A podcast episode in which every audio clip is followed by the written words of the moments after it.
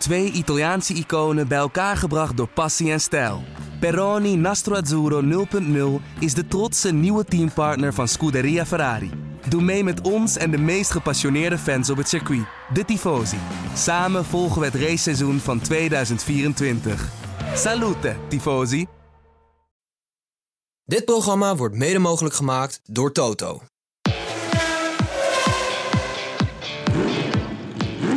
Is de Formule 1-podcast van De Telegraaf. Erik van Haren en Christian Albers praten hierbij over het belangrijkste Formule 1-nieuws. Ja, goeiedag. Leuk dat je weer luistert naar deze Formule 1-podcast van De Telegraaf. En Chris, leuk dat jij er bent. Applaus voor jezelf. Heb je nog uh, leuke verzoekjes gekregen op LinkedIn toevallig? Ah, gaan we daarover beginnen of gaan we eerst uh, Nee, ik beginnen over dat jij zo'n nieuwe televisiester aan het worden bent? Nee, ik Jij was echt aan het vlammen gisteren. Nou? Niet normaal. nou, vlammen. Ik heb denk ik tien zinnen achter ik elkaar begon zo dat eerste het. stukje en jij maakte hem af, jongen. Dat was niet normaal. Je kleed, het was net of het op de, op de penalty stip werd gelegd. Hè? Dat is ongelooflijk. Ja, Wouter de Ruiter vroeg, Banne, hoe, hoe is jullie gezamenlijke tv-debuut bevallen? Ja, nou, ik vond hem, eh, ik vond hem lekker gaan. Ik vond dat jij supergoed uit... Je, je was toch sowieso beter dan ik was. Supergoed uit mijn woorden. Ja, Ja, het is het is niet niet zo moeilijk om een paar woorden achter elkaar Ja, nou te ja, zeggen. Zoveel heb ik niet gezegd. Ja, maar ik praat natuurlijk alleen maar andere talen de hele tijd. En Mijn Nederlands is zo slecht. Dat is ongelooflijk. Eh, maar ik vond dat jij hem... Jij, jij pakt hem over voor mij ook zo. Weet je, dat Hongarije moment. Ja, dat was alsof we dat hadden besproken. Dat was niet zo trouwens. We hadden niet vooraf besproken dat we dat zouden doen. Nee. Nee, dat nee. En ze raakte ook helemaal in paniek natuurlijk. Want eh, er was natuurlijk ja, dat we allebei dat moment kozen. Ehm, van, ja, van Hongarije. Ja, we Hongarije. zaten bij Viaplay voor de duidelijkheid, waar jij eh, sowieso je snabbels hebt.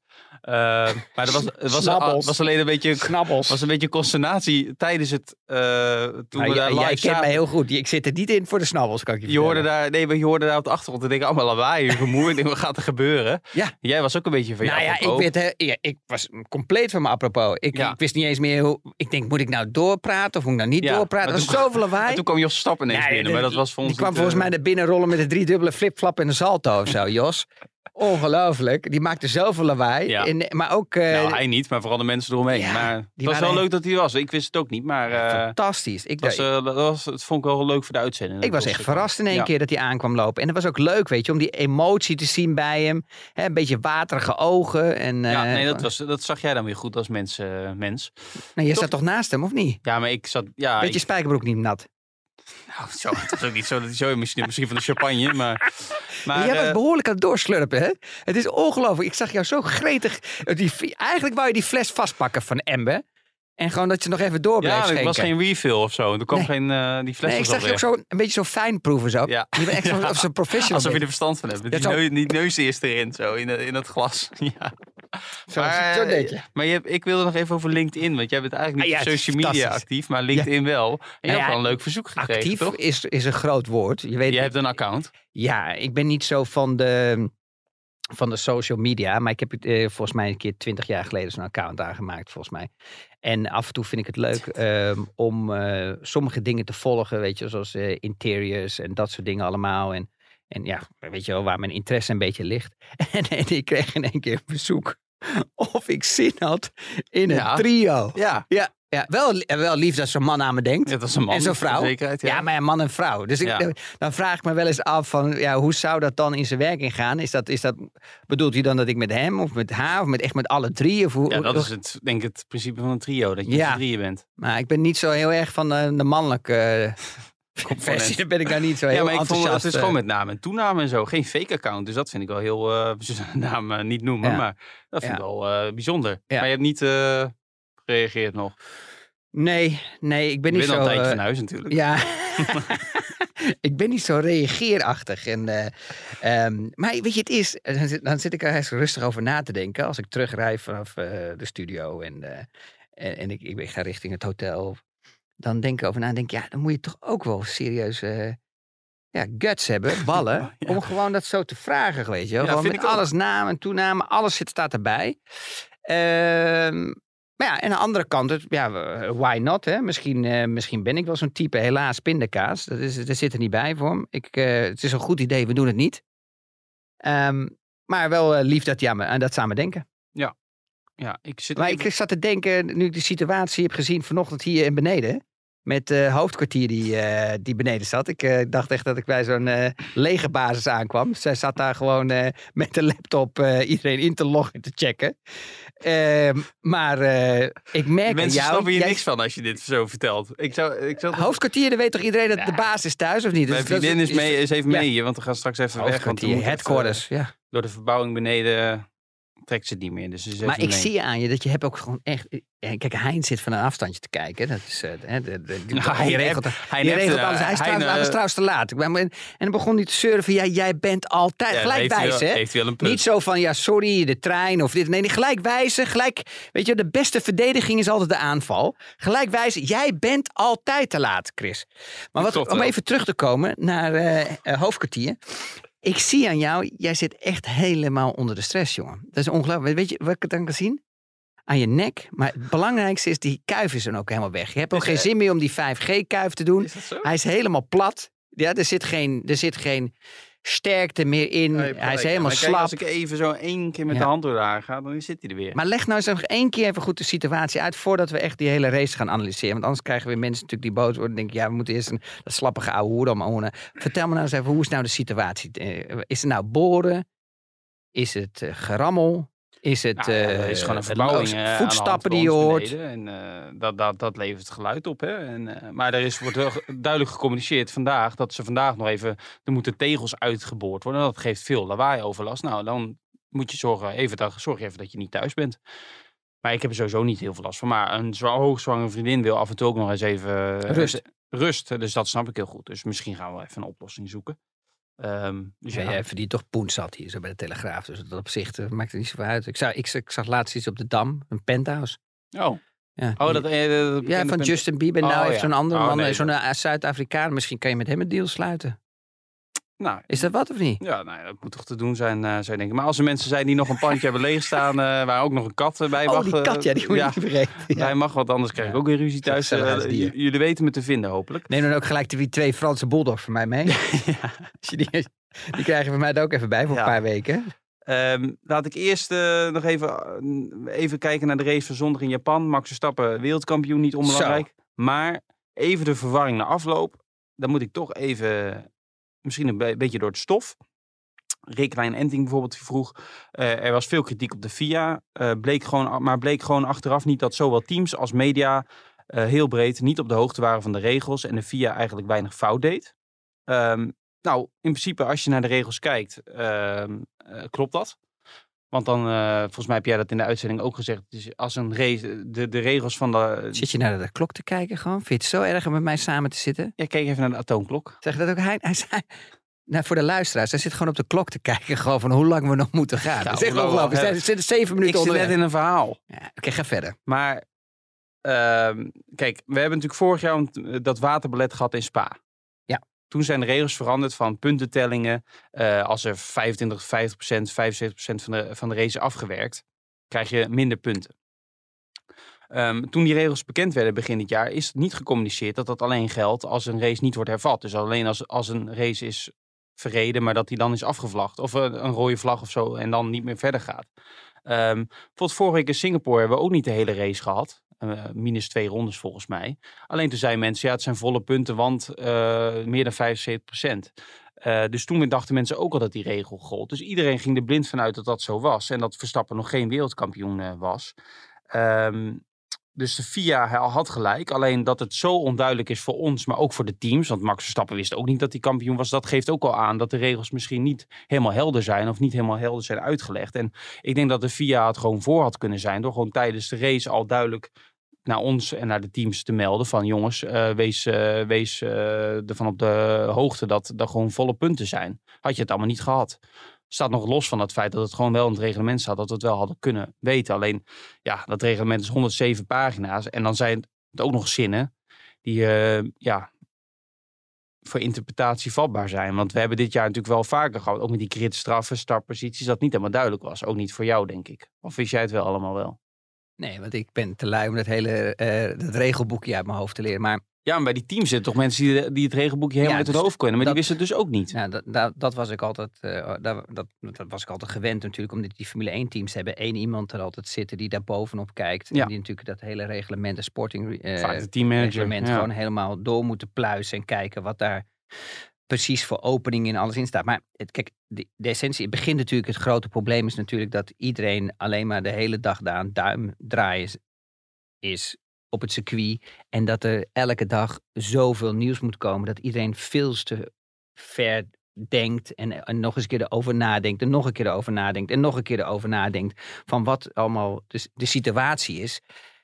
Maar ja, kijk, als je hem nu eigenlijk hoort en, en je pakt echt het reglement erbij, hè, dus je pakt gewoon echt die alinea waar het staat, ja, dan staat het gewoon heel duidelijk. Als de race niet wordt afgelast, nou, dat is hij ook niet, dan worden er gewoon volle punten uitgekeerd. Dus ja, we kunnen er nu nog, eigenlijk is het mooie ervan, van deze discussie, we kunnen nog uren over praten, maar het is eigenlijk gewoon heel simpel. Nee, ja, maar het klopt. Alleen je kan niet verwachten ehm, dat iedereen die regels goed kent. Dus dan kun je dat wel voor zijn door proactief te werk te gaan. Door dat duidelijker te maken van jongens, volle punten.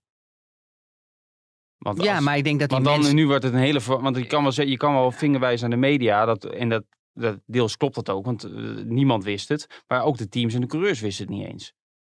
Dus ja, dan kun je zeggen, jullie hadden het allemaal beter moeten lezen. Maar ze hadden ook kunnen zeggen, zijn de regels niet gewoon te ingewikkeld? Ja, maar misschien omdat hun veel meer in die materie zitten, denken ze ook dat, dat gewoon iedereen het snapt. Omdat ze, Of we omdat maken het te moeilijk Nee, voor maar- onszelf. Nou ja, kijk, weet je, het is, kijk, dat de FIA veel fouten maakt de laatste tijd, hè, daar zijn we het over eens. Ik bedoel, Ja. daar, daar hoef je niet voor afgestudeerd te hebben. Ehm, en het is echt fout op fout op fout. Ehm, maar ehm, kijk, weet je, het is als die mensen daar zitten en het reglement, het staat er zo. Weet je, denk je er dan over na dat de andere teams misschien iets anders denken? Ik denk het niet, eerlijk gezegd. Ik denk niet dat je daarmee bezighoudt eh als organisatie. Ja. En ehm, kijk, en, en het gaat ook alweer, als je gaat kijken naar de televisie bijvoorbeeld, daar stonden wel de duidelijke punten en dat die wereldkampioen. En dan gaat iedereen erover nadenken en dan denkt iedereen van, joh, what is going on? Kijk, de- daar is blijkbaar dus geen communicatie of, die, of dit, er is een behoorlijke vertraging geweest van de communicatie van Ja. mensen vanaf de punten die op televisie werden gegeven en World Champion op televisie ehm, naar de VIA toe en dan, en dan het gesprek aan te gaan. Daar, Ja. daar, dat heeft heel lang geduurd. Het probleem is als je de regels leest, als journalist zijnde, ehm, dan is het af en toe nog maar lastig te begrijpen. Dan ga je dingen checken. Red Bull zei tegen mij direct naar de finish, hij is nog geen kampioen. Ehm, ik heb vorige week ook bij de FIA, kwam iemand van de FIA naar mij toe in Singapore. Ja. Ehm, je hebt natuurlijk dat tijdslot van maximaal drie uur. Ehm, die zei, we hebben nog maar twee uur om te racen in Singapore. De race was toen een, een uur uitgesteld, want die klok begint te lopen bij de aanvankelijke starttijd. Ja. Nou, toen stond ik op de grid, krijg een berichtje van iemand van de FOM. eh, dus dat is een andere partij, de commerciële rechthouder. Die zei, jongens, jullie zijn verkeerd geïnformeerd. De, de klok begint pas te lopen bij de echte starttijd. Dus ik heb dit jaar al meerdere keer gehad dat ik van de FIA ook verkeerde informatie heb gekregen. Dus daardoor wordt het allemaal nog, daar kan ik dan ook niet blind van uitgaan. Ze- Zelfs als, ik, als de FIA mij gisteren had gezegd volle punten, had ik het misschien nog niet geloofd. Ja, dat, je kan niet echt meer vertrouwen op, op, altijd op de informatie die je krijgt. Dat is natuurlijk wel slecht. Je moet eigenlijk altijd dubbel, dubbel, dubbel checken om het zeker te weten bij die regels. Ja, en, en ik denk dat ze daar ook een beetje, ehm, ik denk dat daar ook het grote probleem ligt, is dat gewoon ook, en dat, dat is de opdracht van eh ome Ben, hè, Ben Met, met Mohammed. dat hij, eh, ehm, dat hij gewoon toch eens een keer weer de, de controle naar zichzelf toetrekt, in plaats dat hij alleen maar druk bezig is met, eh, met de FOM en met allemaal randverschijnselen. En dat, dat hij echt dat onder controle heeft. Want ja, de grote fout ook dit weekend natuurlijk is, was natuurlijk die tractor. Wat doet die tractor op de Ja. baan? En ik begrijp wel natuurlijk dat, hè, dat zijn gewoon twee eh, separate eh, problemen. Eentje is dat Gasly veel hard rijdt, ja, dus dat mag hij niet. Oké, dus zwaar. Eh, daar Is, hij- is hij ook voor gestraft? ja, en dat is ook gewoon normaal, hè? Want ik bedoel, het was geel, sowieso moest je rustig rijden, rood helemaal.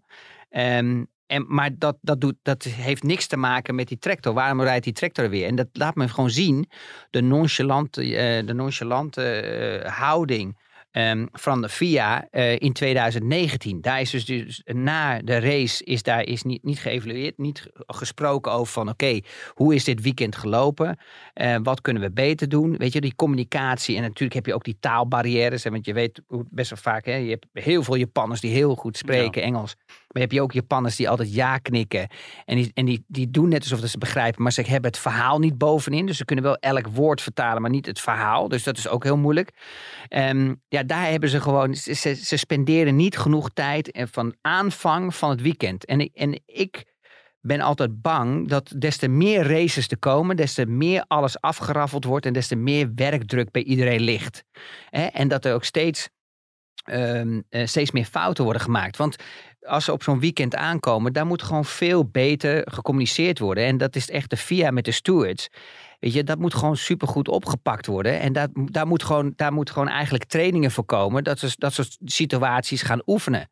Ja, en daar is gewoon een fout gelopen. En kijk, en nu gaan ze het weer onderzoeken. Ja, dat is altijd mooi. Je weet hoe het gaat. Daar wordt straks gewoon heel ver links achter in de hoek in de doofpot gestopt. En je hoort er niks meer over. En daarom heb ik ook het gevoel dat misschien ehm, ook zo'n penalty zoals Leclerc kwam. Want ja, kijk, weet je, het is, ik begrijp wel dat op het circuit.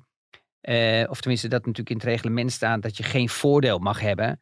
Eh, en dat hij van het circuit afgaat. Maar ik bedoel, Ja. hij had ook geen voordeel. Hij lag nog steeds voorop. Ja, maar hij gaat van het circuit af en komt er dan weer voor. Ja, Ja. oké, maar hij, hij lag er ook voor. Ja, alleen hij maakt een fout en hij blijft ervoor omdat hij de baan afsnijdt. Ja, oké, maar Dus we ja. hebben ook een situatie Maar hij gehad kreeg hem wel natuurlijk. snel die straf. Ja, dit is nog nooit in zijn hele leven zo snel is een Nee. straf uitgedeeld. Maar daarnaast hebben we ook situaties vorig jaar gehad, ook bij chicanes waar eh, mensen rechtdoor moesten, eh, die er nog niet, die er niet, eh, die er nog voor, niet voor lagen Ja. en een plek mo- terug, moesten teruggeven. Ja, Verstappen met Hamilton in Jeddah natuurlijk gehad. Maar andersom Hamilton met Verstappen in Abu Dhabi weer niet. Ja. Hè, toen bleef Hamilton Dus wel er voor. er is gewoon geen eh, constante, ehm, ja, geen, geen constante lijn, weet Nee. je wel. Het is gewoon, het is gewoon echt een, een beetje een rommeltje om heel eerlijk te zijn. En, eh, en dat zie je ook weer met die, met die budget cap en, en dat zie je met meerdere dingen, dat het allemaal... Weet je, het wordt, lijkt, we hebben het er vorige keer ook over gehad. Het wordt lijkt wel een beetje zo'n koelhandel, weet je wel. Dat het achteraf een Ja. beetje afgeklapt wordt. En eh, dat hebben we eigenlijk al gezien ook toen met met Ferrari. Hè. Ferrari is natuurlijk gewoon de nummer één bij de FOM en bij de FIA. Hè, want Ferrari is de brand. Dus die de Formule 1 heeft Ferrari altijd nodig. Nou, dat Ja. zie je toen met die motoren heel hard liepen. Daar is ook nooit wat naar buiten gekomen. Dat is ook handjeklap gebeurd. Ja, het wordt nu toch wel een keer tijd in, eh, in, in de tijdperk waar we nu zitten. Dat het gewoon toch eens een keer eh, eh, serieus gaat worden. En dat ze het ook goed moeten aanpakken. Ja, dat is ehm, ook met die witte lijnen bijvoorbeeld. Daar word je er ook helemaal gestoord van. ja, maar ook de communicatie met Gasly was natuurlijk ook wel pijnlijk. Dat ze eerst een statement kwamen van ja, dit is een vrij normale procedure en Gasly reed te hard. En toen kwamen ze uren later naar de race pas met de melding van het onderzoek. Ook dankzij de, vanwege de feedback van coureurs. Want die was natuurlijk niet mals. Hè? Ja, en, Norris, en van de die- fans die, eh, die, Ja. die opnames eh, maakten. De, eh, daardoor zag je het allemaal. Inboord, de uh, onboardcamera's, ga zo maar door. Eh, daar zag je gewoon echt is gewoon een gigantische fout. Maar die tractor die reed er al heel lang. Ja, ja, want je zag bij Verstappen, de onboard bij Verstappen reed hij er al. Ja. En die, eh, was, dat was de leider in de wedstrijd. En, eh, en kijk, en eh, dan, dan, dan komt het groot probleem. Dat zei ik ook eh, gisteren in de studio. Is dat, ehm, kijk, die jongens, eh, Gasly en Leclerc, Sutil was er zelfs nog bij. Ga zo maar door allemaal. Die hebben gewoon echt een, ja, weet je, trauma is misschien, ja, een klein, een, ja, of een trauma, of een klein trauma, of een groot trauma. Het is maar hoe iedereen het verwerkt Mhm. en meegemaakt. Die zijn hun vriend verloren. Ja. Zijn ze nou hier? Ze zijn zelfs, ze, ze volgen gewoon Ja, jou. joh, die, ook die, weer die geboord. bouw- Waar is dit die nou bouwmensen, die, zijn dit- gewoon, die, bo- die, die boren gewoon achter je aan. Is in ieder geval minder hard dan thuis. Zie je ze ook als je in de auto zit. Oh, je kan trouwens niet in je achteruitkijkspiegel kijken. Je zit te ver op het, het raam. ja, ja. Maar zie je ze ook volgen met die busjes? Of niet? Ze rijden achter je aan Ja, die, eh, met een gereedschap. En nee, maar om terug te komen, even die jongens die hebben echt een, eh, en dat is wel echt serieus, die hebben wel echt een trauma opgelopen. Die zijn er gewoon een beste maatje kwijtgeraakt. Hè? En eh, dat is niet zomaar iets. Weet Ja. je? Dat is natuurlijk gewoon best wel een pijnlijke situatie geweest. En daar is dan hard over gesproken. Ja, en dan, eh, dan krijg je op een gegeven moment de reacties allemaal op eh, social media. Nee, duidelijk. Ik Ehm, niet heb. behalve LinkedIn. En LinkedIn. daar weten de mensen jou wel te vinden. Dames en heren. LinkedIn. ja, even, laten we gewoon even naar de start gaan, de aanvankelijke start. Want wat we daar Verstappen zagen en Leclerc zagen doen, dat was toch een mooi gevecht gelijk. Je zou bijna vergeten dat het is gebeurd. De race lag daarna uren stil eigenlijk, maar dat was wel even een momentje. Verstappen was natuurlijk heel slecht weg. Had daarvoor al die proefstart, dus hij was al wat geïrriteerd. Dat- Want die liep ook voor geen meter. Nou ja, hij was, weet je, het is, hij was slecht weg. ehm, Maar je hebt ze slechter. Dus Ja, ik bedoel, op dat opzicht... Hij was niet zo eh, goed weg als Leclerc, laat ik het zo bedoel, zeggen. dan. eh, het viel nog wel mee. En eh, ja, zijn voordeel was echt dat hij, ehm, Ja, dat die Erik dat hij natuurlijk gewoon aan de buitenkant zat. En eh, dat is natuurlijk een drama voor, eh, voor droog weer. Maar dat is natuurlijk perfect voor de regen. Want je wilt namelijk die buitenlijn hebben. Want dan heb je gewoon veel meer rolmoment. Hè. Al dat rubber, dat gaat allemaal naar alle viezigheid. eh, dat gaat allemaal naar de buitenkant van de baan. En daar wil je zitten in de regen. Dan heb je meer grip. Want dat rubber wat er ligt met de droge lijn. Die wil je hebben met nieuwe slicks. En als het droog is en warm, want dat plakt lekker aan elkaar. Maar dat wil je niet hebben met de regenbanden. Hoor je? Ja, ik zit naar die boord te luisteren. En dan heb je hoofdkwartier meegenomen. Die zit hier beneden. Nou, ik weet niet of ze daar nog zit. Ze, ze is al aan het app of nog niet? Nee, dat niet. Ik heb de telefoon uitgezet. Eh, Maar even ehm, rust. Eh, nee, maar oké. ja. maar, maar daarna Verstappen ook even naar die herstart. Volgens mij het verschil uiteindelijk was, bij, was een halve minuut. Ja. Uh, uiteindelijk op die, ja, dat is niet normaal. Nee, hoe, ja, maar hij- wegloopt. Kijk, hij ging als een raket weg. Maar even om terug te komen nog naar die start. Dus ja, Max die had geen super slechte start. Hij had een redelijke start. Je zag dat Leclerc weer goed wegkwam. Dat eerste moment, hè, dat had hij in Singapore ook. Dus die heeft het goed voor elkaar. Die heeft Ja. goed de controle over, dat, over, dat, ehm, ehm, over het stuur. Weet je, wel. je, je koppeling zit op het stuur met een pedaal. Dat is best wel moeilijk. Want normaal met je, met je been eh, dus heb je in een auto wat meer gevoel als je die koppeling op laat komen. Hè? Want je Mhm. hebt een, een grotere weg als het ware. Je, je been is wat langer. Je hebt daar meer gevoel bij. Je kan je hak op de grond zetten. Hè? Alleen bij eh, je handen is dat heel moeilijk met je vingers. Om dat, heel, om dat rustig te laten gaan als het ware. Dus je moet die koppeling eh, loslaten. En dat gevoel te vinden. Want het is allemaal elektronisch. Wanneer, wanneer het bite point komt. Wanneer de, de bite moment komt van die koppeling. Ja, dat is gewoon echt niet makkelijk. Nee. Ehm, en dan zie je eigenlijk starten, zie je eigenlijk dat eh, Max zich goed positioneert. Je ziet dat Leclerc probeert naar buiten te drukken, want hij wil een, een grotere hoek krijgen voor de eerste bocht natuurlijk, hè, dat hij de ruimte heeft. Want je wilt die curbstone aan de, aan de binnenkant wil je vermijden, want die is spekglad. En dan merk je toch dat hij aan de rechterkant met zijn rechterwielen, rechts voor en rechts achter, over die witte lijn komt. Dat is ook een moment waar hij eigenlijk in principe niet kan remmen. Want dan, ja, dan staan gelijk je, je wielen, eh, die blokkeren natuurlijk. Ehm, ja, en dan zie je op een gegeven moment ook weer het verschil gewoon van die eerste ronde waar Max eh, ja, gewoon opgevoed is en, en, en geoefend heeft met Jos al die jaren. Met slicks in de regen te rijden, voelen dat gripgevoel te krijgen.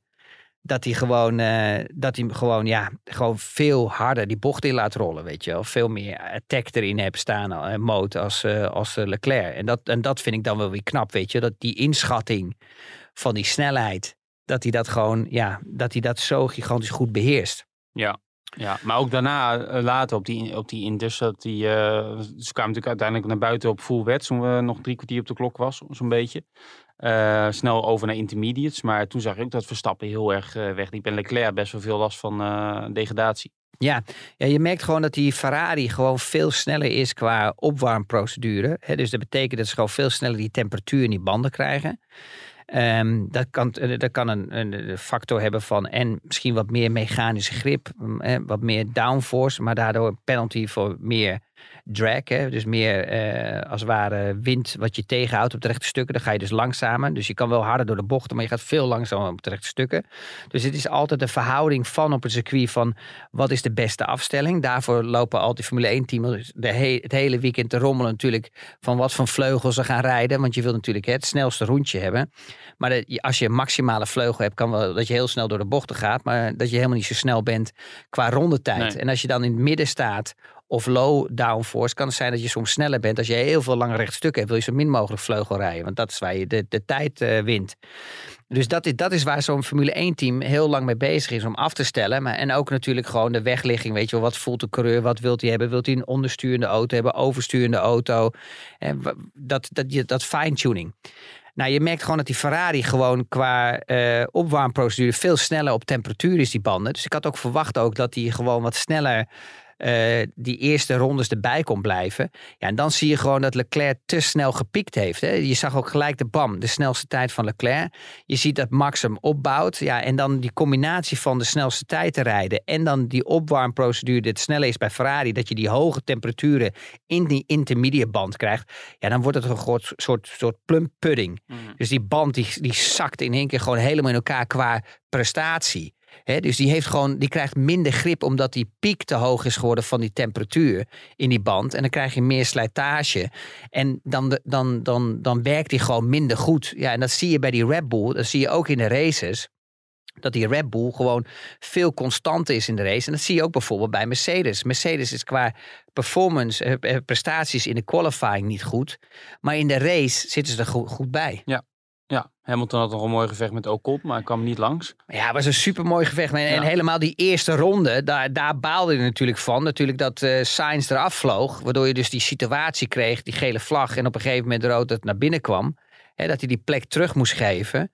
Eh, want dat was het moment dat hij wel Ocon voorbij was geweest in turn 10. Weet je wel, die hairpin. Eh, en nu, nu zag je gewoon dat hij 26 ronden of 27 ronden achter, of 28 ronden achter Ocon heeft gereden. Met veel frustraties. Want je zag gewoon dat de Mercedes veel sneller was. En ik denk dat hij ook nog wel eens de mogelijkheid zou hebben kunnen hebben. Of sorry, om eh, eh, Aan te sluiten. naar, aan te sluiten bij Perez en bij Leclerc. Ja, Als- hij, ja, ja, ja. hij had het vorige week natuurlijk in Singapore ook al, toen hij vast zat achter Sainz. Ja. Toen in het droge. Ja. Alleen, ehm ja, je merkt dan dat hij Mercedes net... had natuurlijk sowieso al de focus meer gelegd op een eh, regenafstelling. Dus ja, daar hadden ze best wel. Maar je kon nu weer niet echt eh, goed de snelheid van ze inschatten. Ik denk dat Hamilton wel snel was namelijk. Ja, maar je merkt, je merkt gewoon dat zij het gewoon tekort komen. En dan zie je bijvoorbeeld eh, de, de laatste bocht, bijvoorbeeld, ik geloof eh, 14. Nee, de- de- niet de laatste bocht, maar de laatste bocht, de, de laatste bocht om een rechte stuk op te gaan. Richting die 103R. Eh, dat is bocht 14. Dan moet je dus echt die, die, die swing meenemen. Dus zo snel mogelijk uitaccelereren om die snelheid mee te nemen over dat hele lange rechte stuk. Dan merk je gewoon dat hij dus veel sneller uitkwam als Perez. Maar hij verliest het gewoon op het rechte stuk. Hij komt er gewoon niet bij. Hij kan hem niet ernaast zetten. En als hij hem ernaast zet, kan hij net niet doordrukken. Dan komt hij alleen maar met zijn voorwielen bij het achterwiel. Weet je, ja, dat is zo frustrerend om erachter te zitten. Ehm, maar wat wel leuk is nog om te melden. Weet je, iedereen doet allemaal zo spannend over echte regen setup en een droog weer setup. Weet je, Erik, daar zit echt bijna niet zoveel verschil meer in. Dat is meer dat ze wat meer vleugel zetten, weet je, dat ze wat meer Ja. downforce zetten. Maar zoals vroeger met allemaal veren gaan werken, zachter de auto zetten. het is toch alleen Ja, puur de vleugel? Ja, tegenwoordig is gewoon eh 95, 92% 95% gewoon alleen maar downforce. Dus het zijn al die rare vormen over die auto's voor de luisteraars. Weet je, al die, die, die, die flaps die je ziet, al die gurneys, weet ik het allemaal. eh, Barsboard, eh, nou het zijn geen barsboard meer, maar ze zitten nu aan de vloer vast. De vloer, al die, al die, die luchtstroom die over de auto heen gaat, dat is eigenlijk gewoon 92, 95% van de auto. Maar Wim Boele vraagt, eh, Verstappen kwam over de finish met een voorsprong van ongeveer 27 seconden op de nummer 2. Ja, is het dan vooral zijn verdienste, eh, Red Bull's dominantie of gewoon het voordeel ook van het vooroprijden? Dat je natuurlijk die spray niet Nee, niet. van voorop rijden, want ik vond dat Leclerc redelijk goed kon volgen die Ja. eerste paar rondes. Ja, en daarna zag je gewoon in één keer boef, hè, is de temperatuur te hoog van de band. En, en dan zie je in één keer dat hij wegzakt en dan zie je dat Max, dan kan Max, dan begint Max pas echt op te bouwen. En dan zie je echt het verschil. Ehm, maar het is meer de combinatie Max en Red Bull. Want ja, het is niet de combinatie met Perez en Red Bull. Dat gaat voor geen meter nog steeds. Nee, toch kreeg Perez wel weer veel complimenten. Want eh, Ja. dankzij hem dat, eh, dat Verstappen hier kampioen werd. En er wordt vaak ook Abu Dhabi vorig jaar aangehaald. Waar die Hamilton op, eh, of, ophield. Alleen ik vraag me af hoe beslissend dat toen is geweest. Want uiteindelijk Helemaal niet. Ja, het gat werd wat klein. Alleen ik denk dat alsnog dat Hamilton die stop niet had gemaakt aan het einde met de safety car. Dus ik denk niet dat het veel had uitgemaakt. Daarom. Dat, eh, dat was het probleem bij die laatste race. Als je leidend een positie hebt. Dan ga je niet naar binnen. Ja, of eh, eh, dan moet je de keuze maken. Ja. Ga je naar binnen, dan blijft Max buiten. Ja.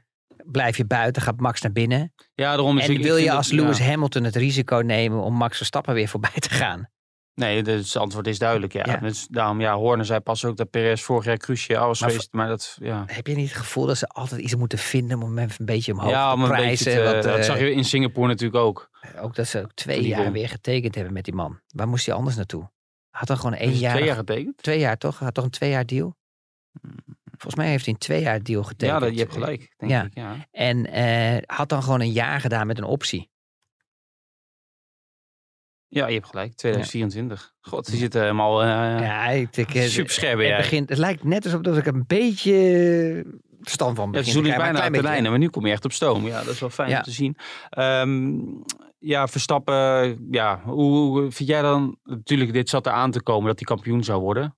Ging worden. Maar jij bent natuurlijk zelf in die wereld rondgelopen.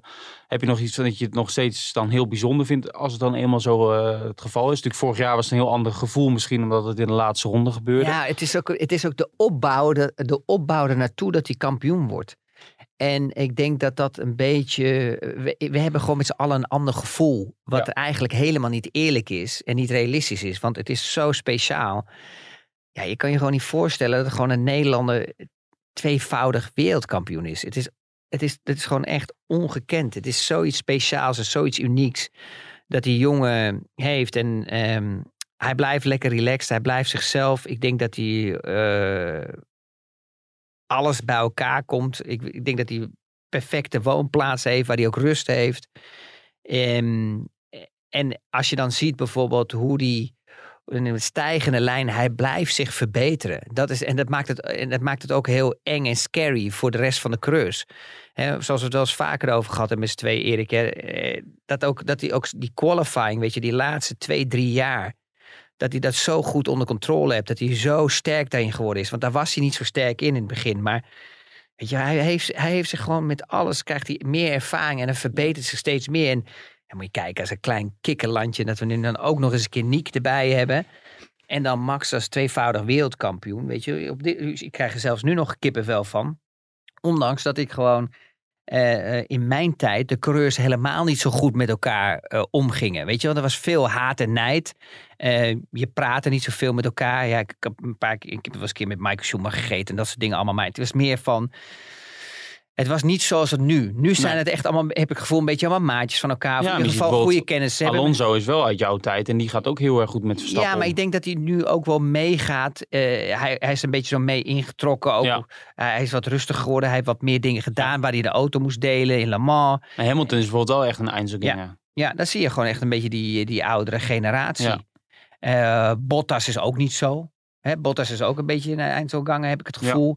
Dus het is echt generatieverschillen die er, die er zijn. En het is wel leuk om te zien dat die andere jongens echt elkaar veel gunnen. Dat- daar zoveel verandering heeft plaatsgevonden. Was bij ons kon je, eh, nou als je Montoya, Ralf Schumacher was alleen maar haat en nijd. Als je Trulli zag met Ralf Schumacher haat en nijd. Ja, maar je zag Met bijvoorbeeld eh, Norris en Verstappen. Ja. Zaten bij de qualifying. Toen Zo. direct na de qualifying zei Norris, nou, eh Verstappen, ah, min of meer Verstappen verdiende straf. Hij was echt pist, hè? En, maar Verstappen was ook pist. En Ja. dus waren we bij de stewards. Toen kwam dat, eh, die uitslag van de stewards. En daar stond gewoon in dat Norris het aangegeven dat het toch een beetje een onfortuinlijk moment was. En dat hij vond dat Verstappen geen straf verdiende. Dus dan zie je toch dat misschien dat er tussentijd iets is gebeurd. Maar dat er heel veel, als je elkaar echt wil naaien, dan ga je bij de stewards natuurlijk ook zeggen van ja, dit kan niet. Ja. Dus dat is dat wel op, eh, opvallend, moet ik zeggen. Maar dat zijn natuurlijk goede vrienden van elkaar.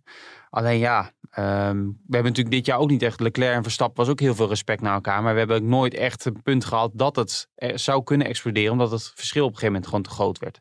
Ja, nou ja, hij kreeg gewoon de overmacht. En, dat, en dan krijg je een andere strijd. En dat heb ik tegen iedereen gezegd. Weet je, iedereen. Kijk, het probleem is gewoon. Als, eh, als er dus een, een ongeluk gebeurt. Hè, bijvoorbeeld met Lewis in Silverstone. Hè, wie er even fout zit, heeft iedereen zijn eigen mening eh, over. Eh, eh, dus dat laat ik even eh, aan de zijkant. Maar het was natuurlijk een fantastisch gevecht. En dat is wat we willen zien natuurlijk. Het hele seizoen door. Dat die twee aan elkaar gewaagd waren. En wat heel veel fans ook wel eens vergeten is natuurlijk gewoon... Mercedes was wel degene die het meest ges- gestraft werd door de, door de FIA. Hè, door het reglement. Die, die, die, Ja. die, haal- die haalde de meeste downforce van achteren vandaan. Daar werd de cirkelzaag in gezet. Dus Red Bull kon veel dichterbij komen. Dus ze hebben het kampioenschap ook heel spannend gemaakt. Was niet eerlijk voor Mercedes. Was heel veel frustratie. Die frustratie is er nog steeds tot de dag van vandaag. Die vinden het nog steeds heel oneerlijk. Dat blijkt, ja. Ja. Maar daar was wel een heel mooi gevecht eh, heeft plaatsgevonden. En ik vond dat ehm, Lewis zich altijd wel chic gedragen heeft. Zelfs tot en met de laatste race. Hè, ook met zijn vader. eh, toch eh, geprobeerd heeft eh, eh, eh, eh, netjes te blijven. eh, ondanks dat het allemaal puur zang sportmensen zijn. Ja, en dan, en, dan, en dan denk ik, ja, dan hebben we dit jaar gehad. Ja, dan heeft eigenlijk Max gewoon een auto gehad die Lewis in 2019 had. Daar ben ik het niet helemaal mee eens. Want Lewis had in 2019 en 2020 echt een auto die... Ja, het was bij de kwalificatie ook um, zo dominant. Zaten er 6, 7, 18e voor met die party mode waar het toen over ging en zo. En toen eh, startte hij eigenlijk bijna elke race... 2020. Ja, 2019 Ja. ook. Ja, 2017, 2018 had je wel die strijd met ja, Vettel. 2019 kwamen Vettel en eh, Leclerc in één keer als een duveltje uit de doos. Weet je nog met die motor? Na de zomerstop hebben die drie races gewonnen. Maar toen was, had Hamilton al zo'n voorsprong. ja, oké, dat weet ik. Maar eh, toen Leclerc, vielen ze wel een en beetje Monza. weg. Daarna vielen ze weg. Toen had je nog die uitspraak van Verstappen. Dat krijg je als je stopt met vals spelen. Ja. Maar je had 2017, 2018 had Ferrari best wel een goede auto. Toen, Vettel stond toen ook bij de zomerstop nog eh, eerste. In ieder geval in 2017 uit mijn hoofd. ja. Alleen de jaren daarna had Hamilton zo'n dominante auto. Die heeft Verstappen dit jaar niet gehad zoals Hamilton in die jaren. Want Verstappen heeft, ja, kijk alleen maar naar de kwalificaties. Leclerc heeft veel meer pole positions. Dus daar zit echt nog wel een, een daar kunnen ze nog wel verbeteren. Maar de laatste tijd, wat jij... Ja, mijn qualifying auto of een raceauto zit wel een groot verschil Dat in, blijkt, ja. En, en dat zie je ook heel duidelijk. Je ziet gewoon bijvoorbeeld over één ronde, eh, dan is het helemaal niet zo slecht om meer downforce te hebben, hè, betere bandentemperatuur. Die, die, die zijn gewoon wat harder en die kunnen net even die edge gebruiken van die banden. En dat scheelt heel veel. Maar je ziet wel dat Max veel dichterbij is gekomen. En ik denk nu dat die trend, dat hij die door kan zetten, ondanks die nieuwe update. Ik vond ze stiekem heel dichtbij staan in, in, in, in, in Suzuka. Ik weet niet wat jij ervan vond, maar die qualifying. Maar dit was de, dit was de qualifying waar het verschil. dichtstbijzijnde ooit in, Ja. in 2022, die, die, dat ze bij elkaar stonden. Ehm, maar, en, en, eh, dus, maar ik denk nu wel dat hij die lijn voort kan zetten. Eh, maar het is, het, het is wat je zegt. Ik weet niet of die auto heel dominant ook is. Maar het is in ieder geval sowieso de combinatie. Max en Red Bull. Dat is één ding wat zeker is. Maar je weet ook niet, volgend jaar veranderen de regels al een klein beetje. Hè? Ook met die, ehm, eh, door die eh, porpoising regels die iets strenger zijn. Dus ja, je moet ook kijken hoe je daarmee omgaat. Maar ja, dit jaar ging het daar heel veel over. En toen moest, moest het in Spa worden aangepast. En heb je daar eigenlijk niks meer over gehoord. Correct, ja. Of porpoising hoor je nu bijna niemand meer. Maar het, het kwam een beetje... maar het is er nog steeds wel vrij Het is er nog steeds, alleen het, meest extreem Leclerc. was het natuurlijk in Baku. Dat straatcircuit met dat lange rechte stuk. Ja. Toen ging het heel erg over. Maar je hebt het nooit meer zo extreem als daar gehad. Wat ook logisch is gezien de gezien Nou het ja, circuit. Het kwam het meeste voor natuurlijk bij stratencircuits. Ja. Ehm, omdat het hobbelig is. En dan eh, op een gegeven moment heb je dat moment van stuiteren. En dan houdt het niet meer op. Omdat die lucht er elke keer opkomt, eraf gaat, erop komt, eraf gaat. Dus dan, ja, dan, eh, dan, dan, dan begin je dat probleem te krijgen. Ja. Ehm, maar eh, eh, nog even terug te komen op, op, op de race. Ja, wie echt gewoon een shit weekend hebt. En, en, en dat vind ik wel een mooie strijd nu. Kijk, die strijd tussen Alpine en McLaren vind ik mooi. Ja. Eh, dat is leuk met eh Seidel. Die, Ja. die zei eigenlijk, nou, maar ik denk niet dat we nog verder gaan. Maar ja, die zag natuurlijk dat die Alpine zelfs als een speer gingen. Oh, Ja. zeg, die heeft een pak op zijn sodemieter gehad Ja. dit weekend. Niet normaal. Met Alonso op de zevende plek. Ocon met een vierde plek. Die hebben lekker punten gescoord. Daar ben jij beter in, in die punten. En Norris die heeft een één puntje gescoord. En Ricciardo, die deed het gewoon echt stukken beter. Nou, en waarom doet Ricciardo het beter? Ja, dat is gewoon heel simpel. Dit is gewoon veel meer een high-speed eh, circuit. Dus ehm, wat het probleem is bij Ricciardo, hij voelt zich gewoon niet happy in die auto. Hè? Hij, hij heeft problemen met remmen, hij, hij heeft geen vertrouwen er- in die auto. En eh, waarom gaat het hier nou beter als dat het bij al die andere circuits ging? Is omdat je veel meer high speed hebt. Ja, medium high speed. Dat betekent als je op het rempedaal trapt, ja, heb je veel meer gevoel. En dat komt omdat je veel meer neerwaartse druk hebt. Dus je wordt veel meer op de grond geplakt, omdat je de snelheid hoger is. Nou, als die snelheid afneemt, dan wordt die auto nerveuzer. Want dan heb je minder neerwaartse druk. Dus je krijgt meer blokkerende wielen. De achterkant is nerveus met aanremmen, bij chicanes, dat soort dingen. Ja, en dat had je, dat had je eigenlijk maar ehm, in Suzuka niet zoveel. Dat heb je dus bij bocht 10, hè, dus voor de hairpin. En je hebt het bij de laatste bocht, dat is dan bocht 16 en 17, het aanremmen van de, van de chicane naar eh, start-finish weer Ja. toe. Dus het zijn eigenlijk maar twee bochten waar hij dan in principe niet zoveel vertrouwen zou hebben. Ja, maar hij weet natuurlijk ook wel dat hij volgend jaar niet rijdt. Misschien geeft dat ook wel een soort Nou, rust, of niet? Nee, het is meer echt gewoon het gevoel in die auto. Dus je moet zeg maar zo zien. Je hebt, als, je, als je dus aanremt bijvoorbeeld bij die chicane. Dan heb je bijvoorbeeld, ik noem maar wat, eh, eh, 300, 400 kilo op de auto. Waar je op de grond wordt gedrukt. Maar als je bijvoorbeeld aanremt bij wat hoge snelheidsbochten. Hè, bijvoorbeeld, eh, ik noem maar wat, eh eh, bocht eh 8 of wat dan ook. Of 7. Of door de, door de S's heen. Dan heb je in één keer gewoon een, weet je wel, een, eh, 2000 kilo op je auto staan, dat je naar beneden wordt gedrukt. Nou, als je dat allemaal hebt, eh, als je die, die kilo's ook hebt op je banden als het ware, ja, dan, dan kan je ook veel harder remmen. Dan kan je bijna ook geen wiel blokkeren. Dus als je ook geen wielen kan blokkeren, dan heb je ook veel, veel meer vertrouwen in die auto. En dan zie je in één keer dat hij toch niet verleerd is. Want ik Ja. bedoel, op zich deed het ook in de qualifying deed het goed. Nee. En in de race deed hij het ook niet slecht. Ik bedoel, het is twee seconden dat hij geëindigd is achter, ehm, achter Norris. is echt niet slecht. Nee. Maar die, die strijd om plek 4 in de constructeursstand is wel spannend. Ook eh, als je bijvoorbeeld kijkt over plek, plek 7 staat Aston Martin 8, Haas, Alfa Ja. Ook maar 9. Ja, hè? Ze is- hebben met evenveel punten als Haas. Die hebben eigenlijk gewoon stiekem een heel slecht jaar. Ja, Alfa Tauri doet het gewoon. eh, die had vorig jaar gewoon een, een superjaar. Ja. Of dit jaar nee, zelfs. Eh, eh, ja, voor, ja, vorig jaar. vorig jaar. Ja. vorig jaar een fantastisch jaar. Hè, dat was ook weer dat het reglement doorging. Dus dat, die hadden ook een voordeel In daarbij. 2020 wonnen ze een race met Gasly in Monza. Ja. Dus ja, maar het valt Maar dat wordt wel een gevecht, Erik. Want dat is ook, dit gaat echt om miljoenen. We praten echt over serieus geld. Ehm, als zij eh, bijvoorbeeld eh, zesde of zevende of achtste worden in het kampioenschap, dat draait echt om veel geld. Dus Ja. dat, is, dat is wel een gevecht eh, ehm, wat, ze, wat, wat, wat nog heel spannend kan worden. Ja, ja, Gideon, als ik het goed uitspreek, Kempenaar, die zegt... volgens mij wordt Red Bull in de, in de Verenigde Staten constructeurskampioen... als ze P3 en P4 eindigen. Dat is best wel een redelijke kans dus. Waarom gaat het daar nergens over? Ja, dat is denk ik heel simpel, omdat het in eerste instantie toch altijd om de titel voor de coureur gaat. Ja. Vorig jaar heb je ook niemand gehoord eigenlijk dat Mercedes eh, constructeurskampioen wordt. Dat boeit eigenlijk niet. En, En het gaat om veel geld, alleen voor Red Bull maakt het niet zoveel uit. Want bij Red Bull is het natuurlijk niet een bedrijf wat om geld verlegen zit. Dus dat scheelt ook. En het, de, de, het gaat altijd om de titel van de coureur. Ja, nu zullen ze natuurlijk ook die constructeurstitel willen binnenhalen. Dat gaat ook al gebeuren. Maar, Maar eh, vergis je niet, doordat Mercedes eigenlijk is dat gewoon vervaagd. Hè? Dat, we, dat we eigenlijk nu nog weten dat ze vorig jaar wereldkampioen zijn geworden, Mercedes. Als- acht jaar op rij. Ja, Ja. Maar je krijgt wel minder ja windtunneltijd. dat is waar. Dus je kan minder ontwikkelen. Dus het voordeel, er is niet echt een. Dat is wel een voordeel geweest dat ze het kampioenschap, Max Verstappen, hè, eh, eh, coureurskampioenschap naar binnen hebben geharkt. Maar de, de, de constructeurtitel, die is naar Mercedes gegaan. En dat heeft wel pijn weer gedaan. Waardoor, eh, waardoor ze dus minder windtunneltijd hebben gekregen. Nou, en dat, dat, die, ja, Ja, dat krijgt dus je- straks eh, Red Bull Dus je natuurlijk. krijgt meer geld, alleen minder windtunneltijd. En je mag vooraan staan in de pitstraat. hè? Ja. Dat is, eh, de, de- zo wordt de indeling gemaakt. Eh, Rob die vroeg nog, als ik het goed heb gezien, heeft Max de wereldbeker niet gekregen. gekregen. Waarom niet? Vorige week was de beker nog in beeld eh, in Singapore, omdat hij daar theoretisch al kon winnen. En gisteren was hij nergens te zien. Hij was er wel in Japan. Ehm, trouwens, ik denk dat dat gewoon puur ceremonieel is. Want de beker krijg je pas bij het VIA Gala. Dat is standaard aan het eind van het jaar. Waar? Weet je wel waar het Volgens mij weer in Parijs. In, eh, in december. En niet, normaal was het een paar dagen na de laatste race. Maar volgens mij zit er nu een paar weken tussen. Maar ik denk niet dat ik dit jaar ga. Of waarom niet? Nou, omdat ik dan net een kind heb. Misschien kan je er wel meenemen voor een romantisch weekendje. Dat is misschien Kijk een eens slecht over na te denken. Ja. Ik hoop niet dat ze de podcast luistert, want dan is het idee. ja.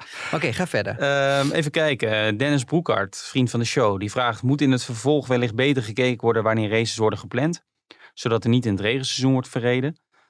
Eh, nou, volgens mij is de FOM, de FOM gaat over de kalender, die zijn er ook wel mee bezig. Want iedereen heeft altijd veel kritiek van ja, ze willen meer clusteren, hè, ook wel minder te reizen. Maar ja, Japan wil, wil vaak niet naar het begin van het jaar. We hebben natuurlijk drie jaar geleden werd die race bijna helemaal gecanceld. Het werd in ieder geval de zaterdag gecanceld. Eh, nu hebben ze China in april gedaan. Ik verwacht niet dat dat, dat doorgaat. Maar ja, Baku naar april, die willen niet naar april. Eh, Montreal wilden ze naar mei doen. Dat kon niet, omdat het te koud is. Dus het is best wel lastig om een goede kalender te krijgen. Want al die, eh, die landen hebben ook weer wensen, al die promotors. Dus het is best en, wel lastig. en degene die het meest betaalt, dat, daar wordt Die de wens altijd. Die, ja, die bepaalt. ja, ik denk niet dat Las Vegas eh, heel moeilijk hoeft te doen wanneer zij willen. En ik denk ook niet dat Mercedes daar problemen zou hebben met de banden op te warmen. Dat denk ik ook niet. nee. Maar dan Nee. zijn we ook weer een jaar verder, hè? Dus Ja. ja, dat op zich. Ja, eh, hij vraagt ook trouwens, wat, heb jij een eh, goede herinnering aan een goede natte race? Uit je carrière of uit je, of je, uit je eigen carrière of uit de geschiedenis van de Formule 1? Maar eigen carrière is misschien leuker. ja. Was je goed in de regen? Ja. Ja, ik was altijd. eh, En het mooie ervan was, eh, je wilt het helemaal natuurlijk. Als je een auto hebt die gewoon niet competitief is, dan wil je dat het gaat regenen. Want dan kan je het verschil maken. Eh, Dan, dan rij je in ieder geval nog eh, dichter bij het veld. Of eh, weet je, je hebt dan mogelijkheden om misschien een keer een punt te scoren. Ehm, dus ik was er altijd wel blij mee, moet ik Hm. eerlijk zeggen. Het was natuurlijk wel altijd spannend bij de start. hè. Ik kan me wel herinneren dat ja, dan, weet je dan gaat het veld ja, van start. En dan is het eigenlijk op een gegeven moment tot en met 50 km per uur. Dan zie je nog wat. En dan in één keer gaat het gordijn dicht. Want dan is er zoveel spray van water dat je gewoon niks meer ziet. Ja, en dan doe je eigenlijk je hoofd een beetje aan de zijkant. Naar rechts of naar links. En dan luister je gewoon. En dan eh, hoor je op een gegeven moment dat de auto's voor je van het gas afgaan. Nou, dan wacht je nog zeg maar voor je gevoel nog een seconde. Maar dat is maar misschien een paar tienden. En dan ga je ook remmen. En dan op een gegeven moment kom je weer naar die 60, 70 of 50 kilometer per uur. En dan zie je in één keer weer het hele veld de bocht ingaan. Ja. Dus dat was wel altijd wel een beetje spannend. Maar eh, wat ik al zei, het gaf wel altijd eh, ja, kansen. Het bood altijd kansen om gewoon eh, iets meer van jezelf te laten zien. Maar in jouw tijd hadden ze misschien wel meer gereden nu. Want in, eigenlijk in Japan bleef het doorregenen. En toen gingen ze uiteindelijk naar buiten. En toen bleken de omstandigheden wel racewaardig te zijn. Dus misschien hadden ze ook wel iets eerder naar buiten kunnen gaan. Ja, sowieso. Ik vond dat ze, ze hadden gewoon veel eerder, maar ze, ze, ze waren aan het wachten op die weather forecast van, van die, die, die, iets, die plensbui die zou komen. Weet je, die zou 10 minuten plaatsvinden Ja. en dan zouden ze gaan beginnen. Dus dat hebben ze ook gedaan. Het duurde wat langer. Die plensbui kwam niet helemaal. Het was een beetje zo half-half.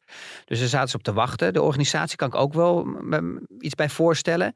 Maar dan moet je gewoon zorgen, hap, die jongens in de auto met die safety car rijden. Want dan krijg je de feedback van de coureurs met de radio. Die kunnen dat doorgeven aan, aan, aan de pitwall van oké, luister, dit is wel te doen, dit is niet te doen. En dan krijg je, en dan heb je twintig stofzuigers op het circuit. En die zorgen echt wel voor een droge lijn. Dat gaat Ja. heel hard. Dan kan je als, als luisteraar, maar ook gewoon, wij kunnen daar bijna niks bij bedenken. Maar dat is, dat is Weet je, die auto's die zuigen zo gigantisch aan de grond. Dus die, die zuigen dat water uit het circuit. Dus je krijgt best wel redelijk snel een droge lijn. En dan rijden die riviertjes ook kapot. Ja. Weet je wel, en dan worden die riviertjes iets minder. Eh, dus dat, dat helpt er wel allemaal bij. Maar het zou ook wel fijn zijn als die full zal beter worden. Want daar hebben ze blijkbaar helemaal geen vertrouwen in. Nee, maar ja, aan de andere kant, ik ben het, daar ben ik met je eens. Hè. Die, die full wets, daar hebben ze gewoon eh, geen gevoel bij. En die zijn gewoon te langzaam. Dus ze gaan allemaal snel naar die intermediates. Eh, maar ik ben wel blij dat er maar één bandenconstructeur is. Want ehm, in mijn tijd was het op een gegeven moment echt een drama met Michelin en met Bridgestone. Want die Michelins die waren zoveel beter. En, en op een gegeven moment waren die teams, weet je wel, die Michelin gebruikten zoveel sneller. eh, dan, dan de mannen van Bridgestone. Ik denk dat ik, niet ik, ik de enige was die ervan baalde. Maar ik denk ook Michael Schumacher, Ferrari, eh, Barrichello, ga zo maar door. Ja, en, en, en toen de tijd Jordan ook in 2005 was gewoon balen, weet je wel. Dan heb je gewoon een, een- een meest, de meeste performance of prestaties worden gevonden met, door banden. Daar kan je echt de grootste ontwikkeling plaatsvinden. Ja, nou, ze zijn in ieder geval bezig met het ontwikkelen van nieuwe banden voor volgend jaar. Dit was natuurlijk ook het eerste jaar met die 18-inch banden. Ik weet nog wel, Max Verstappen heeft dit jaar ook nog een keer zo'n Pirelli-test moeten doen. Nou, Ja, ik zal ja? zijn, eh, zijn conclusie na afloop was eh, glashelder. Ja. Dat het toch slechter was dan dit jaar. Dus ik weet niet of daar nog ontwikkeling in zit. Maar, eh, maar goed, Ehm, ik kreeg ook nog wat vragen over, onder andere van Dirk Immink over die laatste ronde. Want de finish van Verstappen was niet echt in beeld. Maar hij leek nog te denken dat hij nog een ronde moest. Ehm, maar dat, ik snap de verwarring. Alleen dat heb ik nog even nagevraagd bij de FIA. Omdat nu die drie uur klok was eh, afgelopen. Dan is het gewoon een harde stop. Er stond ook duidelijk in beeld toen hij bezig met, was met zijn laatste ronde final lap. Dus dat klopte ook gewoon. Dan is het gewoon een, een harde stop. Bij die twee uur limiet, zoals in Singapore, dan eh, rij je dus, dan loopt de klok af en dan nog één ronde. Dat is het verschil. Oké. Maar ja, ook dat was dus niet duidelijk voor iedereen. Nee. Dus eh, ja. Nee, het was een beetje en zo. En dat, dat legde ook een klein beetje. Dat zorgde ook een beetje dat die euforie een beetje Ja. wegviel. En dat was wel jammer, eerlijk gezegd.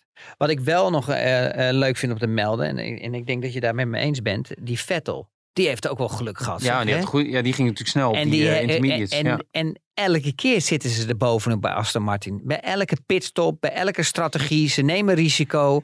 Oké, soms is het iets too much, maar ze weten wanneer ze niks te verliezen hebben. Ja. Ze gaan ervoor. Nu ook, weet je wel, snel naar die intermediates. Die man is van achteraan gekomen. Die, die is gewoon 60 geworden. En En, hoeveel was Stroll?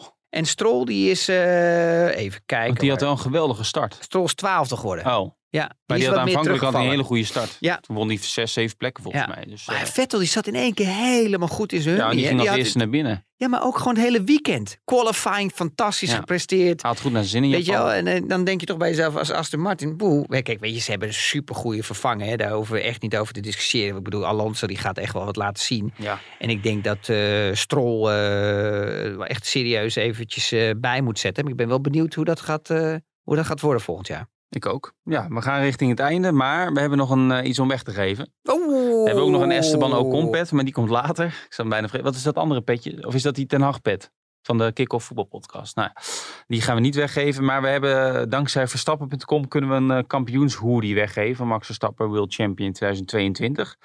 Ehm, heb ik weer eens een prijsvraag bedacht. Ik hoop dat, je, dat ik Oké, nu nou, geen we- bakken met kritiek van jou krijg. Oké, nou kom niet. Komt ie, hè? Op hoeveel circuits op de Formule 1 kalender van 2023, dus van volgend jaar, heeft Max Verstappen nog niet gewonnen in zijn Formule 1 loopbaan?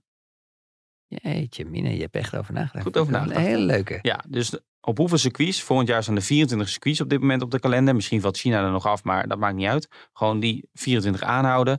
Heeft Max Verstappen nog niet gewonnen. Dus ik hoef weet alleen maar eentje al. Je weet er eentje al? Tuurlijk. Ah, die mag je wel weggeven hoor, van mij. Singapore. Nou, dan heb je er één. Er zijn er meer. Het, is niet, het antwoord één is niet goed.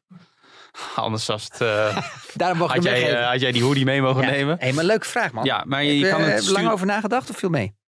Nee, viel mee. Maar ik had gisteren toch al... eh, ik was de hele dag bezig. Maar door dat tijdsverschil, dat was top. Ik baalde aan de ene kant ervan dat ik niet in Japan was. Mijn collega Lars van Soest was daar. Weet je waar ik van baalde? Alleen als het in Amerika gebeurt, met tijdsverschil... en dan ook nog die verwarring na afloop... dan kom je gewoon in de problemen. Ja, bij de krant. Ja. ja Waar baalde jij van? kan gebeuren. Waar ik van baalde, Is dat je gewoon niet om zes uur naar me gekeken hebt. Je hebt gewoon echt de wekker, gewoon één minuut voor zeven heb je die gezet. Ja, maar ik slaap een beetje je slecht. hebt het dus hele voorprogramma van Viaplay niet gekeken. Nee, maar ik heb wel die uh, nabeschouwing gekeken. terwijl wij allemaal aan het vechten zijn om jou eh, in die studio te krijgen. Ja, ze hadden tegen mij gezegd of ik uiterlijk 11 uur er wilde zijn. Alleen eh, ik zat nog in mijn joggingbroek en zo. En ik had nog niet, ik had mijn tanden niet eens je had nog een streep op je voorhoofd, want je stapte in. Dat had je de zonneklep tegen je voorhoofd. Ja, nee, dat was aan. eerder deze week. Ja. Serieus? Ja. Dat Maar vertelde je me. hè? ik had tegen- Vertel even, vertel even aan de, Nee, aan de maar luisteraar. ik- Nee, ik- dit is zo'n mooi verhaal. Ik zeg altijd tegen je dat je zo dicht op het stuur zit. Ja, dat je niet eens, je kan niet eens de radio bedienen. Je Dat kan niet eens in je achteruitkijkspiegel kijken. Met je neus als Nee, een goudvis en met je mond tegen die vooruit. Nee, dat is onzin. nou eens toen je in ging stappen, want dit is het bewijs. Ja, nee. Wat gebeurde er? Het is onzin, maar de stoel stond er iets te ver naar voren, omdat mijn vriendin in de auto had gezeten ervoor. Oh. En toen stoot ik mijn kop, tegen- want die, die zonneklep stond nog half naar beneden. En toen stoot ik mijn hoofd. Toen moest ik natuurlijk gelijk aan jou denken, omdat jij altijd zegt dat ik zo ver naar Je voren weet zit. hoe Dat voelt- ver zo'n zonneklep zit, hè? Je, zit, je, zit echt, je zit echt ver? Je zit aan het einde van de hemel van, van, het, van het dak gewoon. Ja, ik snap waar een zonneklep zit, maar aan zit ja, een zonneklep. nou, eh, dus als je daar tegenaan komt met je Oh, hoofd, eh, dit is het bewijs. Wees blij dat ik me zo kwetsbaar opstel tegen jou, dat ik dat gewoon meld. hey, ik had nog twee dingen. ik wil nog even zeggen, Oh, de antwoord voor die prijsvraag kan naar podcast.telegraaf.nl. Ja. Doe gelijk je adres er maar bij en dan kiezen we volgende keer een winnaar. En dan zorg ik dat die naar je toegestuurd wordt. En, en de maat, maat van de hoodie. Ja, en eh, iedereen die een triootje wilt of iets anders spannends, moet zich melden bij eh, Erik. Hij is er al voor in de laatste tijd. LinkedIn van Christian Albers, Hey, eh, met die twee pitbulls erbij. hey, voordat we nog iets vergeten, ik, ik vond twee dingen nog belangrijk. Ik vond dat Joe het weer goed had gedaan. Ja, Die, ik, ik vind dat hij echt goed presteert, vergelijkbaar met Bottas. Ehm, die ging nog een keer extra naar binnen. hè, ja, maar hij had, hij had gewoon de snelste ronde. Dat was wel grappig gewoon, hè, dat hij de snelste ronde had. Dat vind ik wel leuk. Ehm, ronde. maar daarbij- er niks aan. maar- Nee, ja, oké, maar je ziet gewoon dat hij een beetje die overhand begint te krijgen. Ik vind dat hij het echt goed doet voor iemand die gewoon serieus geld meeneemt om te kunnen rijden. En dan ook nog eens Bottas, wat zo'n kwalificatiekanon is, eh, toch eventjes eh, vaak op zijn plek zet. Ik vind het toch wel spannend, moet ik eerlijk zeggen. Ja. Ik vind het echt heel leuk. En ik Maar vond ook, finishen nu wel voor hè? en ik vind ook, weet je wel, dat Mick Schumacher ook niet genoeg credit krijgt. Want dit is toch een circuit wat Magnussen goed kent. Ja, en je merkte toch dat hij sneller was als Magnussen. Hij deed het goed in de qualifying. Ehm, en ik vind hem niet zo slecht, maar je, het is een coureur die gewoon meer tijd nodig heeft. Het enige waar hij echt even een error had, was natuurlijk eh, de Free Practice 3. Dat hij na zo'n proefstart en de inlap, dat hij de, even de auto toot losreed. Ja, dat is niet echt een reclame voor je eh, als het ware bij een team. Daar worden ze niet echt vrolijk van. Nog even over de regels eh, waar we het aan het begin over hadden. Andrew Benson van de BBC zegt nu ook dat dat zinnetje van ehm, if a race is stopped and cannot be restarted, dat zit als in de regels sinds 2001. Ja. Maar het lijkt erop dat ze twee regels door elkaar hebben gehaald. Of dat, dat die andere regel eronder is gezet, maar dat die zin is blijven staan. Want nu is het zo dat als een race wordt afgevlacht of wordt gestopt en je hebt 50% afgewerkt, dat je 50% van de punten krijgt. Maar als het andersom is, dus je rijdt de eerste drie uur niet en alleen het of de eerste twee uur niet en alleen het laatste uurtje en je rijdt ook 50%, dat dan wel de volle punten tellen. Dat is heel dubbel. Dat slaat eigenlijk nergens op. Je rijdt evenveel, maar het gaat dan om, ja, dat, Nee, maar kijk, het gaat om. Op een gegeven moment heb je. Het is net zoals eh, een kudde schapen. Er loopt er eentje voorop en iedereen gaat er gewoon dom. Nee, maar dat, dom- nee, maar- nee, dat staat los. Want de, nee, nee, regels zijn zo gemaakt vanwege Spa, omdat iedereen toen zei, Ja, hoe kan het zo dat je half van de punten krijgt als je maar drie rondjes rijdt? Dat is toen veranderd. Ten Ja. eerste, je moet twee rondjes rijden zonder was- safety car. oké, maar dat was dan een error in, die, in het reglement. Maar Ja. hier staat gewoon heel duidelijk: als een, als een race wordt afgelast. Ja, maar, ja, maar dat stond er al in. Maar de, de regelgeving is veranderd. Juist ook omdat dan niet alle punten worden uitgedeeld als je niet een hele race rijdt. En dat was dit keer het geval. Je hebt maar de, iets meer dan de helft van de race gereden. En je krijgt toch volle punten. En dat is het. Ja, maar dat komt pas na de hand. In, de, in, het, in, ja, in dat het blijkt. reglement. Maar dat is het. Dus in het begin staat heel duidelijk dat als je gewoon een race uitrijdt, dat het volle punten. Ja. Daarna komt te staan, en dat, is, dat heeft te maken bijvoorbeeld met een gigantische crash of heel veel regen, dat ze een race moeten aflassen. Ja, dat die, dat die gewoon gestopt wordt. Ja. Dan, dan ga je kijken hoeveel ronden er zijn gereden. En op dat. Ja, maar dus dat is precies andersom. Want als je, hem, als je hem eerst uitstelt heel lang, zoals nu, en je rijdt hem dan eh, een stukje uit, dan telt het weer niet. Dus dat, dat is het dubbele. En dat was, daar zat de verwarring. Dus, maar het blijkt, blijft Maar nog die steeds... verwarring is de laatste tijd overal in, in, in, in, in, in, in de hele wereld. Dat is zelfs als met stikstof. Ja, is ook heel veel we verwarring. daar dan niet over gaan hebben op dit moment. man, man, man. Weer een zijstraat. We zijn er weer over. eh, ik dank jou voor je tijd. Ik dank jou ook ik voor vond het tijd. leuk dat je er was. Ik wens jou een hele, hele prettige dag vandaag. Wat voor ba- moet je een bank hebben of een love seat? Of wat doe je? Nou, een love seat, eh, dat kan ik wel gebruiken misschien. Vooral romantiek. In Huizen van Haren. Nee, we gaan, eh, we gaan naar Villa Arena op maandagmiddag. Ja, ja, ik, moet ook nog, eh, ik moet straks ook nog skypen met CNN. Oh. Want dat Max Verstappen kampioen is. En, een Amerikaanse ster ben je aan het worden, hè? en eh, vandaag ehm, wordt natuurlijk ook een budgetcap verhaal. Eh, we nemen dit al s ochtends Ja, vroeg op op is- maandag. Maar de budgetcap komt volgens mij einde van de middag vandaag. En wat ik ervan begreep is eh, dat Red Bull er wel iets overheen zat. Of zit. Vorig jaar zat dus. Maar dat ze een boete krijgen. Maar goed, eh, ik weet niet wanneer je deze podcast luistert. Misschien is dat alweer achterhaald wat ik nu vertel. Maar eh, ja, dat komt er later vandaag aan. Ja, maar dat- ook dat budget cap, dat is ook weer precies, weet je wel, met de FIA. Ze hebben het gewoon niet voor elkaar. Ze hebben het gewoon niet voor elkaar. En ze weten niet wat ze aan, mee aan moeten. En daarvoor trekken ze het over zo'n weekend heen. Dan komt er eerst heel veel promotie en al dat soort dingen. En, en, en natuurlijk wereldkampioen Ja, misschien Verstappen. dat het een beetje overschaduwt. Ja, en dat was hetzelfde eigenlijk, denk ik, ook nog wel met die straf van eh, Leclerc een klein beetje. Kijk, ik bedoel, linksom of rechtsom was Max altijd wereldkampioen geworden. Dus Ja. daar, daar hoeven we niet eh, meer over te discussiëren. Maar eh, je, het zijn allemaal van die momenten dat ze proberen echt veel dingen weg te drukken. Dus daar, daar, daar hebben we toch echt een nieuwe leider nodig. Of er moet echt veel veranderingen plaatsvinden. Oké. Oké, wij gaan stoppen, want ze beginnen harder te boren. Ja, dankjewel voor je tijd, Chris. Jullie bedankt voor het luisteren. Eh, Stuur je inzending in als je die hoodie wil winnen naar podcast.telegraaf.nl. En eh, wij zijn er over twee weken weer dan naar de Grand Prix van Amerika in Austin. Graag eh, tot dan. Dankjewel.